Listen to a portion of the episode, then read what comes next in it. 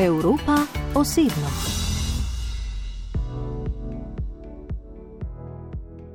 Thierry Visol je francos, ki živi v Rimu. Svojo poklicno pot po doktoratu iz ekonomije je začel v akademskih vodah. Od leta 1980 do upokojitve leta 2016 pa je v Bruslju služboval kot evropski uradnik in vmes še vedno poučeval na številnih univerzah v Franciji, Belgiji, pa tudi na ameriškem Yale. I have been responsible for a very long time of the audiovisual uh, policy of the European Commission. Dolga leta sem bil odgovoren za audiovizualno politiko v Evropski komisiji in moje prepričanje je bilo, da je za izboljšanje razumevanja Evropske unije treba izumiti in uporabljati drugačne načine sporočanja. Eden od načinov, ki sem jih pri tem veliko uporabljal, so bile karikature. Več let zapored sem organiziral tekmovanje v karikaturah. Tema je bila seveda Evropa in seveda so bila prijavljena dela zelo kritična. Ampak ravno na podlagi teh je bilo mogoče kritično razpravljati o Evropski uniji. Ko sem se upokojil, sem se odločil nadaljevati svoje sodelovanje s karikaturisti. Še vedno sem namreč prepričan, da je to dober način pojasnjevanja študentom, da tudi učiteljem pomagajo pri poučevanju. Ne nazadnje so karikature tudi za časopise dodana vrednost, saj je včasih lahko karikatura tista, ki pove veliko več kot besede. Ker sem že prej sodeloval s fundacijo Giuseppa Divanja, sem se odločil pri njej ustanoviti Centr za promocijo svobode izražanja in politične satire. Tako smo vzpostavili mrežo približno 200 karikaturistov, ki so svoja dela objavljali v 55 državah po svetu. Vsako leto v sklopu festivala Lektor in Fabula organiziram tekmovanje karikaturistov na določeno temo, ki je povezana s temo festivala ali svobodo izražanja. Or to obviously freedom of expression. Lanskoletna tema razstave je nosila naslov Kultura izbrisa in politična korektnost. Namreč pretirana politična korektnost v boju za pravice manjšin lahko pripelje do različnih absurdov. In Amerika In many schools and universities have decided not to teach anymore Shakespeare. Denimo v Združenih državah so se na številnih šolah in univerzah odločili, da ne bodo več učili Shakespearea, ker so njegove drame ocenili za žaljive do manjšin. V njih so zaznali beli suprematizem, če tako rečem. Takšnih primerov je res veliko. Na Sorboni v Parizu so nehali igrati predstavo starogrškega dramatika Aishila, ker so nekateri igravci nosili črno masko. To je bilo razumljeno kot žalitev temnopoltih oziroma blackface offense. Zatem je prepričanje, da kot belec ne moreš oziroma ne smeš nositi nič, kar pripada drugim kulturam.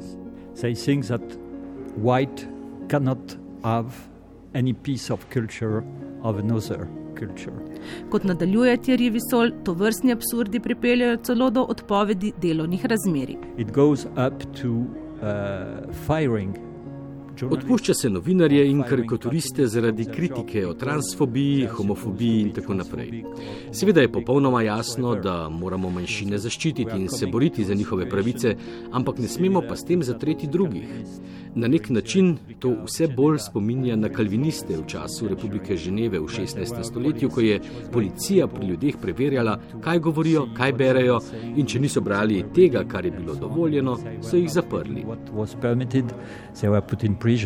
Med razstavljenimi deli sva se sprehodila po čudovitih hodnikih nekdanjega samostana San Benedetto v Conversano, kjer ima svoje prostore tudi fundacija Giuseppa Divanja. Ustavila sva se pri enostavni rdeče-belo-sivi ilustraciji, na kateri profil glave pred usti drži iztegnjena kazalec in sredinec, ki ponazarjata škarje.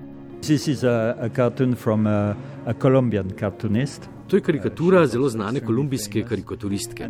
Mislim, da je to estetsko in sporočilno eno najmočnejših del. Riše zelo enostavno, zelo premišljeno pa uporablja barve in simbole. To delo predstavlja obraz profila, ki ima pred usti prst, kar je gesta, ki jo uporabljamo, če ne želimo, da ljudje o nečem ne govorijo. Ampak prsti so v bistvu upodobljeni kot razprte škarje, ki so simbol cenzure. Which is a symbol of censure. Sprehodila sva se mimo dela italijanskega avtorja, na katerem brezglavi ljudje uničujejo kip možganov, pa nizozemskega avtorja, na katerem je kip posvečen javni razpravi, onačaščen z iztrebki tviteraških čivkov. Ustavila pa sva se pri delu z naslovom Konservativna igra nemškega karikaturista Gida Kuna. Delo v treh slikah prikazuje dva možaka. Tisti na desni vabi tistega na levi, naj se dobita na sredini. A se pri tem vedno pomakne še malo bolj na desno, tako da se tudi sredina premika vse bolj v desno. Well, uh, Sporočilo te karikature je nesposobnost medsebojnega razumevanja in spoštljive komunikacije. Ta na desni strani vse čas kriči, je glasnejši in zato močnejši od sogovornika, kar onemogoča kulturno in enakopravno razpravo.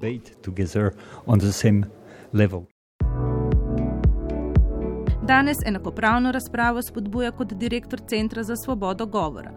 Koliko prostora za njo pa je imel kot uradnik Evropske komisije, kjer je delal 36 let?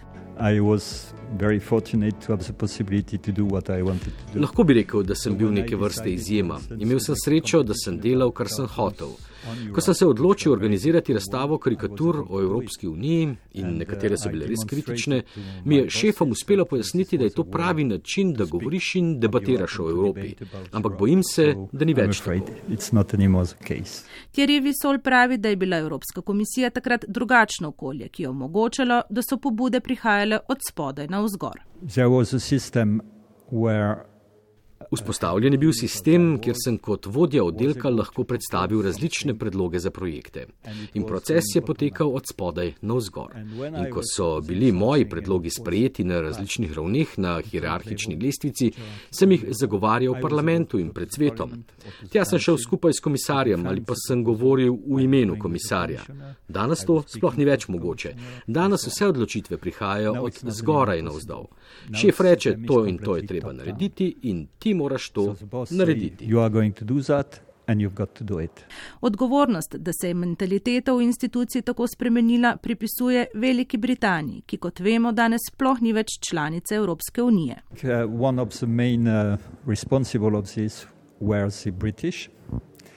Glavno odgovornost za to nosijo Britanci, pravzaprav so jim to dopustili in sicer so z reformo leta 2000 dosegli spremembo statuta in s tem procese dela, ki so veljali do takrat. Ideja je bila, da omejijo civilne uradnike pri možnostih različnih predlogov. To je bil del njihove strategije, da omejijo moč komisije.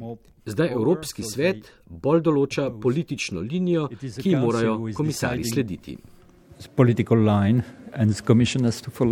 Seveda ima Evropska komisija še vedno možnost predlaganja, ampak je ta možnost precej omejena. In kot nadaljuje, ima to posledice na vseh ravneh hierarhične strukture. Do dela Urzule von der Leyen je prizanesljiv, ravno zaradi stanja, ki ga je podedovala.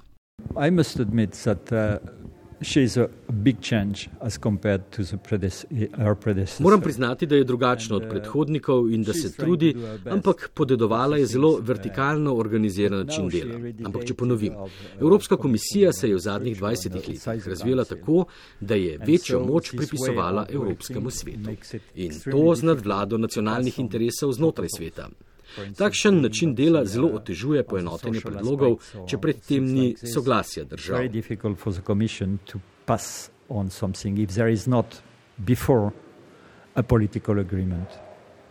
Who is ruling then? The European Union? I would say the Council, without no doubt now. Brez dvoma pravi, Evropski uniji danes vlada Evropski svet, kar zagotovo ni bila ideja snovalcev Evropske unije in ki je tuja tudi njemu kot zapriseženemu evropejcu. Za konec smo ga zato pobarali o tem, kdaj je na zadnje obiskal Bruselj. Tam sem bil avgusta, moji trije sinovi živijo tam, tudi moja sestra. V resnici smo hoteli zasesti Bruselj, ampak nas je nažalost samo devet.